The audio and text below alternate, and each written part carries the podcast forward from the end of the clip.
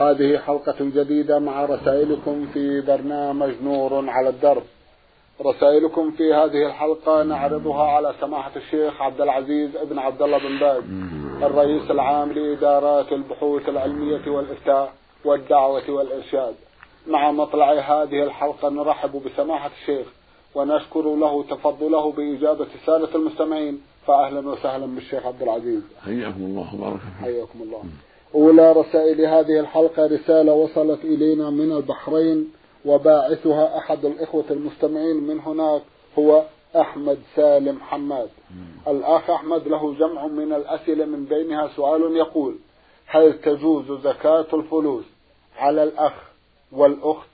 إذا كانت ساكنة بحوزة المزكي الأخت مطلقة وتسكن مع أولادها في حوزة المزكي فهل تجوز زكاة عليهم؟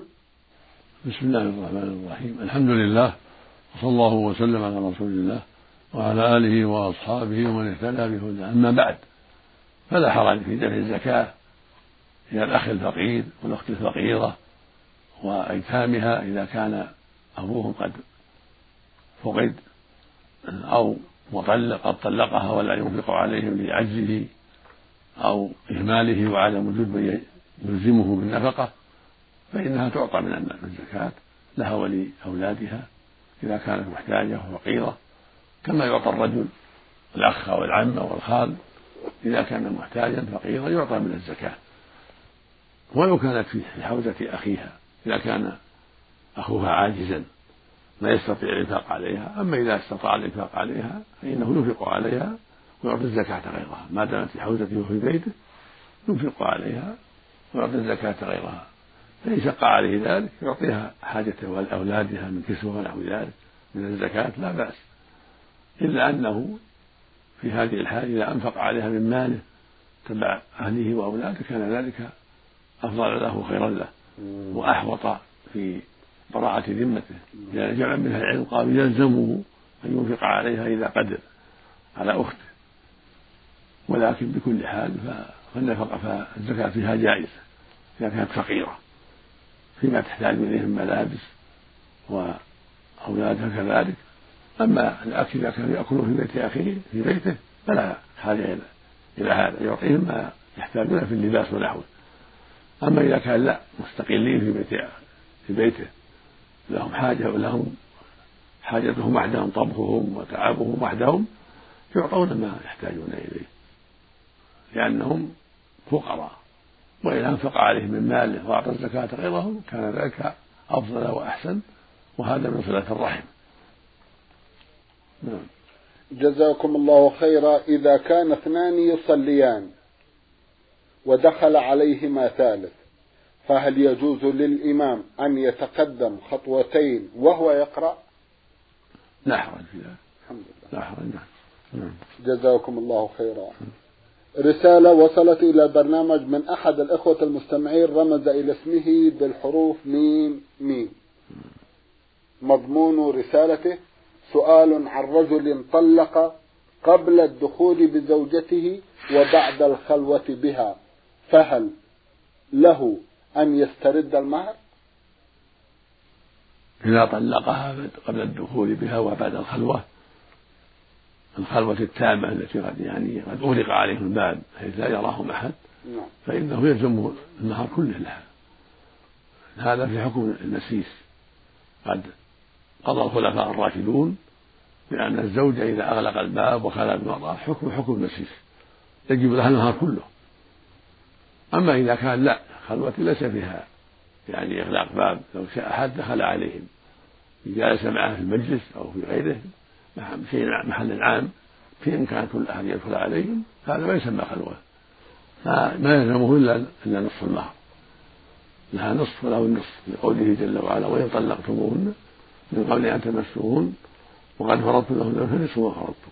فإذا كان لم يطعها ولم يخلو بها خلوة كاملة فإنه يأخذ النصف ويعطيها النصف.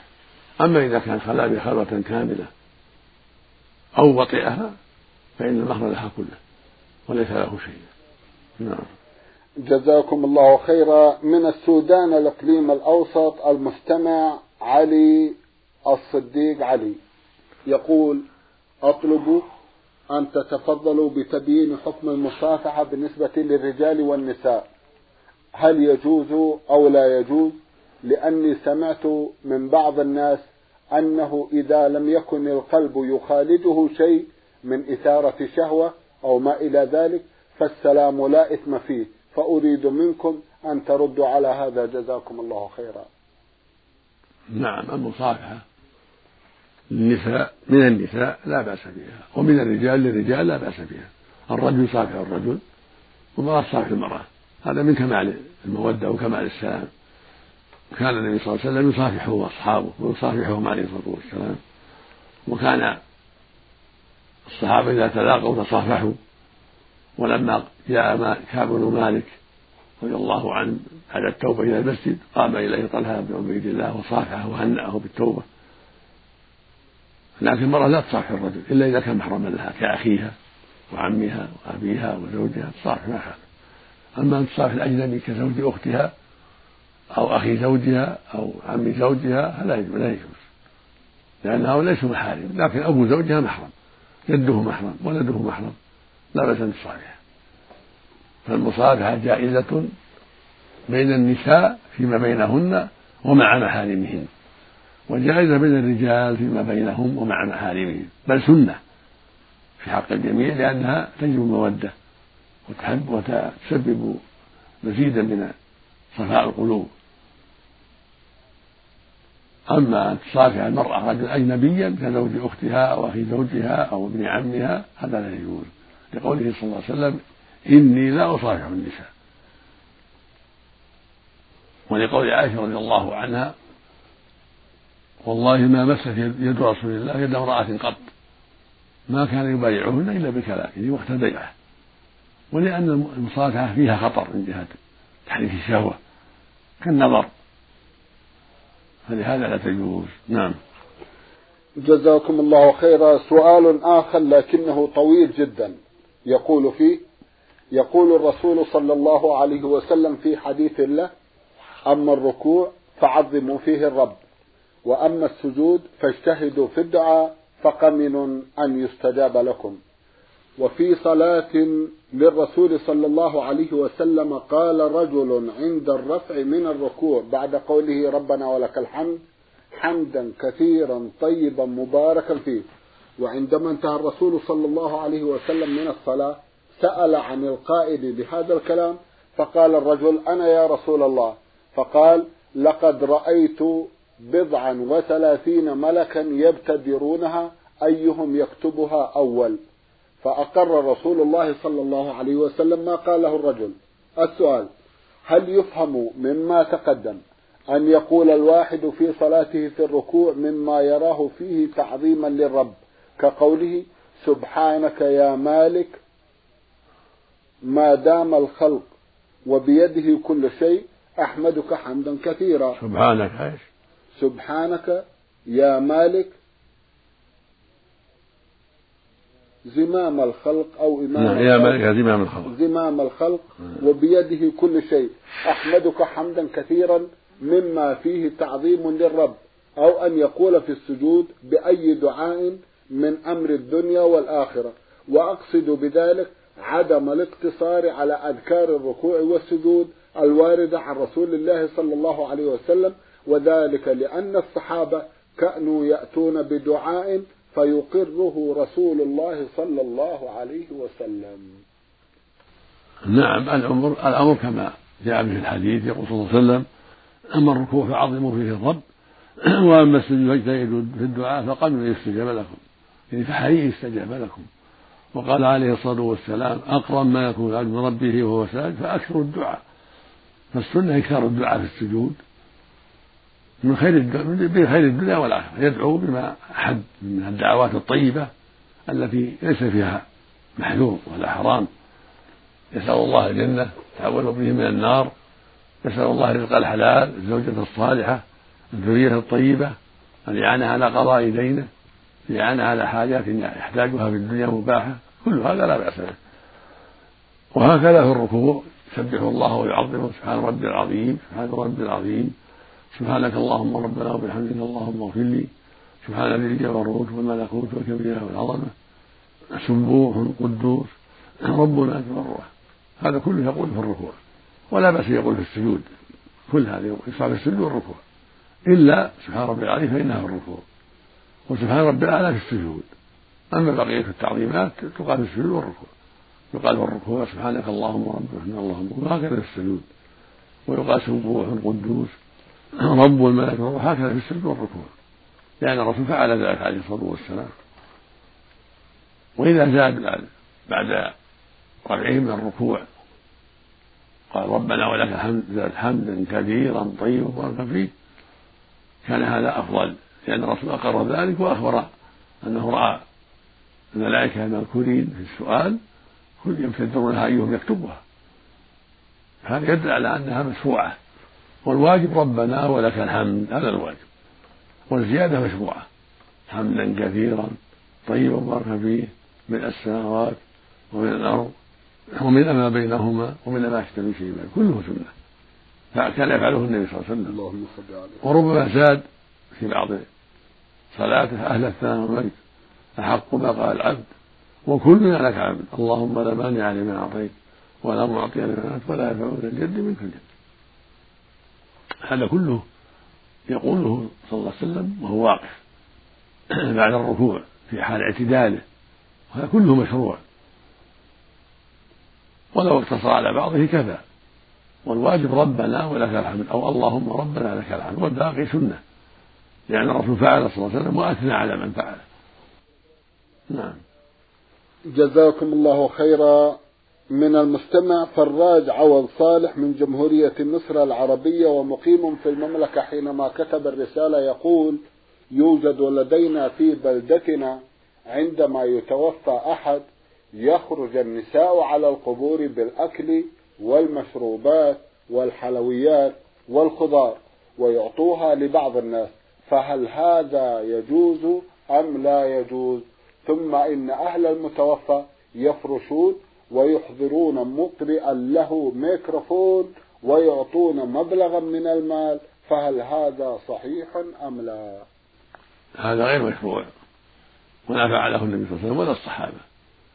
السنة يأتون بخضوع واستحضار لأمر الآخرة وأمر الموت ويحضرون مع الميت ويدفنونه وبعد الفراغ يدعون له بالمغفرة والثبات أما أن يأتوا بالطعام وقت الدفن ويوزعوا على الناس هذا هو مشروع. أو يأتوا بقراء القرآن أو بالمكبر كل هذا بدعة لا أصل لها ولا ينبغي فعله لأنه محدث. والنبي صلى الله عليه وسلم قال من أحدث في أمرنا هذا يعني ديننا. نعم. ما ليس منه فهو رد. وقال عليه الصلاة والسلام من عمل عملا ليس عليه أمره فهو رد. وقال صلى الله عليه وسلم أما في خطبة الجمعة أما بعد فإن خير الحديث كتاب الله وخير الهدي هدي محمد صلى الله عليه وسلم وشر الأمور محدثاتها وكل بدعة ضلالة. فلا يجوز العمل هذا العمل بل هو من المحدثات التي أحدثها الناس. نعم. جزاكم الله خيرا. من المستمعة أم رزاق بعثت تسأل تقول عن نفسها إني ربة بيت. وشغلي أخيط ملابس نسائية وملابس أطفال والأجرة التي أتقاضاها أصرفها على البيت والأولاد لأن زوجي حالته متواضعة. هل علي خمس وزكاة؟ وإني أضبط منذ عشر سنوات لكن لم أجمع مالا أصرفه. أرجو أن تفيدوني. جزاكم الله خيرا. هاي. تقول إني السائلة أم رزاق شغلي أخيط ملابس نسائية وأطفال والأجرة التي أتقاضاها أم رزاق ولا أم عبد الرزاق؟ تقول أم رزاق نعم. نعم. والأجرة التي أتقاضاها أصرفها على البيت والأولاد لأن زوجي حالته متواضعة. هل علي خمس وزكاة؟ وإنني أضبط أو أخيط. أتوقع أنها أخيط منذ عشر سنوات لكن لم أجمع مال أصرفه أولا بأول. أرشدوني جزاكم الله خيرا. ليس عليك زكاة إذا كنت تنفقين ما يحصل من الخياطة وغيرها في حاجة إلى البيت ليس عليه زكاة وأنت مأجورة على عملك ولا بأس عليك في ذلك. وهذا من باب التعاون مع الزوج على الخير والهدى والصلاح. إلا إذا اجتمع عندك مال وحال عليه الحول فزكي إذا كان يبلغ النصاب.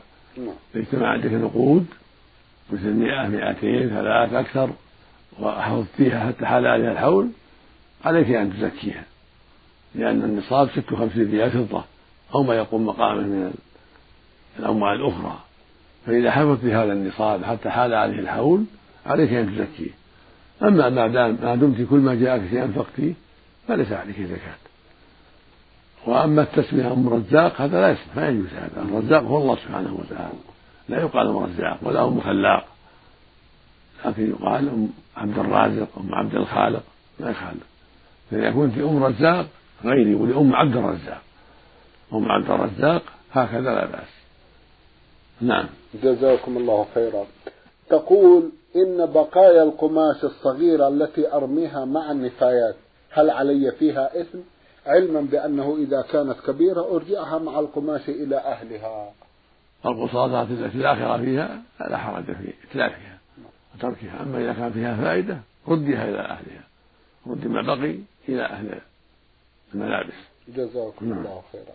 تقول هل صحيح أن المرأة إذا طهرت من العادة الشهرية عليها أن تعيد الصلاة فرضا بفرض ووقتا بوقت طيلة الأيام التي قضتها في العادة أو تصلي الصلاة نفسها بغير مكررة كما كتبت. جزاكم الله خيرا. الحائض ليس عليها قضاء الصلوات. ولكن تصلي إذا طهرت مستقبلا. أما أيام الحيض وأيام النفاس فإنها تدع الصلاة ولا تقضي. تقول عائشة رضي الله عنها كنا نؤمر بقضاء الصوم ولا نؤمر بقضاء الصلاة. الله أسقط عنها الصلاة. سبحانه وتعالى حال الحيض وحال النفاس أما الصوم فإنها لا تصوم لكن تقضي. لا تصوم حال الحيض ولا لكن تقضي بعد ذلك. نعم. جزاكم الله خيرا. المستمع عبد الله محمد إبراهيم بعث يسأل ويقول أفيدكم أنني قمت هذه السنة بأداء عمرة وقد قمت بأدائها على الوجه الشرعي إلا أنني حين خروجي من مكة المكرمة لم أطف طواف الوداع. لظني أن طواف الوداع واجب واجب من واجبات الحج فقط ولا علاقة له بكمال العمرة. أرجو إفتائي في حكم عمرتي هذه وماذا يجب علي في حالة كونها ناقصة؟ أرجو الإجابة. جزاكم الله خيرا.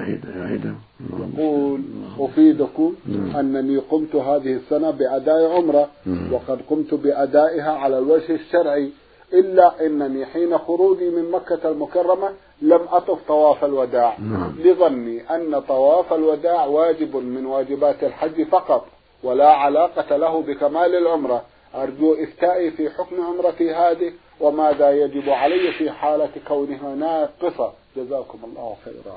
لا شيء عليك والحمد لله. يعني العمرة ليس لها وداع واجب. من ودع فلا بأس ومن ترك فلا بأس. الوداع الواجب في الحج. إذا أراد الخروج من مكة طاف للوداع لقوله صلى الله عليه وسلم لا ينفذ أحد منكم حتى يكون آخر عهد البيت وهذا قاله للحجاج. وهكذا قول ابن عباس أمر الناس الحجاج. أن يكون آخر عهد البيت إلا أن خف عن المراه الحائض. المراه الحائض ليس عليها وداع لا في الحج ولا في العمرة. والنفس كذلك. وليس على غيرهما وداع في العمرة. العمرة ليس لها وداع لكن من ودع فهو أفضل.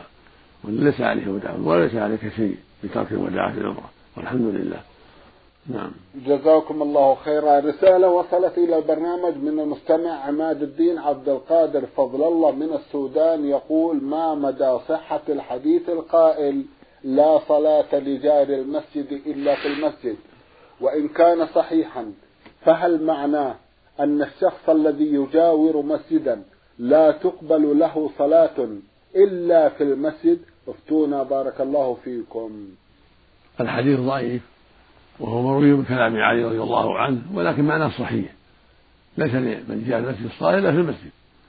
لقوله صلى الله عليه وسلم من سمع النداء فلم يأتي فلا صلاة له إلا من عذر. قيل لابن عباس قيل لابن عباس رضي الله عنه ما هو العذر؟ قال خوف أو مرض. ولأنه صلى الله عليه وسلم جاءه رجل أعمى فقال يا رسول الله ليس لي قائد يقود المسجد هل لي من رخصة أصلي في بيتي؟ فقال له عليه عليه الصلاة والسلام هل تسمع النداء بالصلاة؟ قال نعم. قال فأعجب رواه مسلم في الصحيح. فإذا وجب على الأعمال التي له قائد أن يحضر ويصلي مع الجماعة في المسجد فغيره من باب أولى. ليس للمسلم أن يجلس في بيته ويصلي في بيته لا. وإن كان هذا الحديث ضعيف لا صلاة نفسه في المسجد لكن معناه صحيح من من الأحاديث الأخرى. الدالة على وجوب الصلاة في الجماعة وأن من كان يقرب من المسجد يجب عليه يصلي في المسجد الذي يقرب منه حيث يسمع النداء. النداء العادي بدون مكبر إذا كان في محل يسمع النداء بدون مكبر وجب عليه الصلاة في المسجد. تكثيرا للجماعة وحرصا على التعارف والتواد في الله وإظهار شعيرة الإسلام العظيمة وهي الصلاة. المسجد من شعائر الله. فلا بد من العناية بأداء الصلاة فيه. نعم. جزاكم الله خيرا سؤال يقول فيه ذات يوم توضأنا جماعة نريد صلاة العشاء وكان بيننا اثنان يكثران الضحك وبعد دخولنا في الصلاة فإذا بأحدهما يضحك ضحكا بصوت عال جدا مما أدى إلى ضحك الجميع. ولكن استغفرنا الله تعالى على فعلنا هذا وبدأنا الصلاة من جديد. ولكن تكررت معنا نفس الفعلة الأولى. يقول توضأنا نحن جماعة ونريد الصلاة وكان بيننا اثنان يكثران الضحك. وبعد دخولنا في الصلاة فإذا بأحدهما يضحك ضحكا بصوت عال جدا. مما أدى إلى ضحك الجميع. ولكن استغفرنا الله تعالى على فعلنا وبدأنا الصلاة من جديد. ولكن تكررت منا نفس الفعلة الأولى غير أننا في المرة الثالثة أديناها كما هي. فما حكم ما فعلنا وما هي كفارة ذلك؟ بارك الله فيكم. هذا الذي ضحك في المرة الأولى والثانية هذا آثم يستحق التأديب لا تلاعبه يستحق التعذيب من ولاة الأمور أو من الهيئة لأنه متلاعب. وعليكم أن تعيدوا الصلاة. إذا كنتم ضحكتم في الثانية عليكم أن تعيدوها أيضا كما أعدتم الأولى. الضحك يبطل الصلاة في إجماع المسلمين. فمن ضحك في صلاته النافلة أو الفريضة بطلت. فإذا كنتم ضحكتم بضحك هذا اللعاب في الثانية عليكم إعادتها أيضا كما أعدتم الأولى. وينبغي في مثل هذا أن توبخوه. وأن تكلموا عليه وإذا تيسر تأديبه من أولي الأمر فينبغي تأديبه حتى لا يعود مثل هذا هذا التلاعب واستخفاف بالصلاة لا يجوز. نسأل الله العافية. نعم. جزاكم الله خيرا. رسالة من أحد الإخوة المستمعين رمز إلى اسمه بالحروف دال سين من حجر فيما يبدو. يقول إني فعلت ذنوبا كثيرة وأريد أن أعود إلى الله وأتوب إليه توبة نصوحا. فما صفة التوبة؟ بارك الله فيكم. التوبة من أهم الأشياء بل هي واجبة وفريضة من جميع الذنوب. والتوبة تشتمل على أمور ثلاثة الندم على الماضي يعني يندم على ما مضى منه من الذنوب يتأسف على ما مضى منه ويقلع منها ويتركها خوفا من الله وتعظيما لله. ويعزم عزما صادقا ألا يعود فيها. هذه التوبة. وإن كان هناك مظالم للناس لا بد من رد المظالم أو استحلالهم منها. إذا كان مظلمة لأخيه سرقة أو نهبة فإنه يرد عليه ظلامته أو أو يستحله منها. فلا تتم التوبة في حق الناس إلا برد الظلم, الظلم إليهم. يرد ما ظلمهم فيه شيء ظلمهم فيه يرده إليهم أو يستحلهم إذا سمحوا سقط وعلى المؤمن أن يلاحظ هذا الأمر وأن يحرص حتى لا يموت على معاصي فإنه على خطر عظيم إذا مات على المعاصي بدخول النار. فالواجب أن يحذر المعاصي ويبادر بالتوبة ويحاسب نفسه دائما دائما حتى يكون دائما على توبة وعلى حذر. نسأل الله لجميع العافية والسلام. نعم. اللهم آمين. جزاكم الله خيرا. يقول إنه يحافظ على الصلاة إلا صلاة الصبح فإنه لا يصليها في الغالب إلا بعد طلوع الشمس. ويسأل عن الحكم. لا يجوز له تأخير الصلاة وقتها أبدا. بل الواجب أن يصلي في الوقت. الفجر الفجر وغيرها. وليس له يؤخر صلاة الفجر إلى بعد طلوع الشمس. بل يجب يصليها في وقتها قبل طلوع الشمس. وإذا كان رجلا لزمه يصلي مع الناس في الجماعة في المساجد ولا يشابه المنافقين. المنافق يتأخر عنها ولا يبالي لأنه ليس عنده إيمان كما قال تعالى إن المنافقين يخادعون الله وهو خادعهم وإذا قاموا إلى الصلاة قاموا كسالى. فلا يجوز أن يتشبه بهم يلزمه أن يصلي الصلوات الخمس في أوقاتها وفي الجماعة في مساجد الله أما المرأة فهي تصلي في بيتها وليس لها أن تؤخرها عن وقتها تصليها في الوقت كما يصليها الرجل في الوقت الله يقول جل وعلا إن الصلاة كانت من كتاب مفروضة. فالما هي مفروضة في أوقاتها. الله فرضها في أوقاتها فوجب أن تؤدى في أوقاتها. نعيد الآية لو تكرمت مرة أخرى. نعم. إن الصلاة كانت هذا من كتاب موقوتها جزاكم الله نعم. نعم. يعني يعني مفروضة في الأوقات. طيب. مثل قوله جل وعلا أقيم الصلاة لدلوك الشمس إلى غسق الليل وقرآن الفجر إن قرآن الفجر كان مشهودا. يعني في هذه الأوقات لدلوك الشمس يعني زوال الشمس فيها العصر والظهر إلى غسق الليل فيه المغرب والعشاء. قرآن الفجر فيه صلاة الفجر فهي مؤكدة في أوقاتها لا يجوز تقديمها على الوقت ولا يجوز تأخيرها على الوقت يجب أن تفعل في الوقت نفسه. نعم. على الرجل والمرأة. إلا ما جاز فيه الجمع بين الظهر والعصر والمغرب والعشاء في السفر والمرض هذا مستثنى. نعم. جزاكم الله خيرا. يقول قرأت في كتاب آداب الزفاف في السنة المطهرة من تأليف الشيخ محمد ناصر الدين الألباني ووجدت أدلة تحرم الذهب على النساء. فما حكم الشرع في هذا؟ هذا اللي ذكره أخونا العلامة الشيخ محمد ناصر الدين الألباني من تحريم المحلق من الذهب قول ضعيف. وغلط منه عفى الله عنا وعنه. وقد دلت الأدلة الشرعية على حل الذهب للنساء وحكى جماعة من العلم إجماع العلماء على ذلك. وقد دلت الأحاديث الصحيحة على حل المحلق من الأسورة والخواتم. أما الأحاديث التي ذكرها فبعضها ضعيف وبعضها منسوخ. بالأحاديث الصحيحة. بعضها ضعيف وبعضها منسوخ بالأحاديث الصحيحة مثل قول صلى الله عليه وسلم وحل الذهب والحديد لإلاك أمتي وحرم على ذكورهم. وقد أقر الأسورة في يد المرأة التي جاءت إليه تسأله ولم ينهى عن الأسورة بل أمرها بالزكاة فقط. وأعطى بعض الصحابة خاتم من ذهب عليه الصلاة والسلام بعض الصحابيات خاتم من ذهب. فالمقصود أن الأدلة الشرعية دلت على أن الذهب حل للإناث. سواء كان محلقا أو غير محلق كالأسورة والخواتم والقلائد ونحو ذلك. أما ما ذكره فضيلة في حجاب المرأة فهو في آداب الزفاف هو قول ضعيف مرجوح خلاف ما عليه العلماء وهو كالإجماع من أهل العلم. والأدلة الدليلة التي ذكرها كما سمعت كما سمعت ما بين ضعيف وما بين منسوخ. نسأل الله لنا وله التوفيق والعفو. اللهم آمين. جزاكم الله خيرا. أخيرا يقول ما حكم الصلاة خلف إنسان يصلي بعض الفرائض ويترك بعضها تهاونا. هذا لا يصلى خلفه لا يصلى خلفه لأن من تركها تهاونا كفر على الصحيح. في قوله صلى الله عليه وسلم بين الرجل وبين الكفر والشرك ترك الصلاة رواه مسلم في الصحيح. ويقول صلى الله عليه وسلم العهد اللي بيننا وبينهم الصلاة فمن تركها فقد كفر. في أدلة أخرى تدل على كفر تارك الصلاة.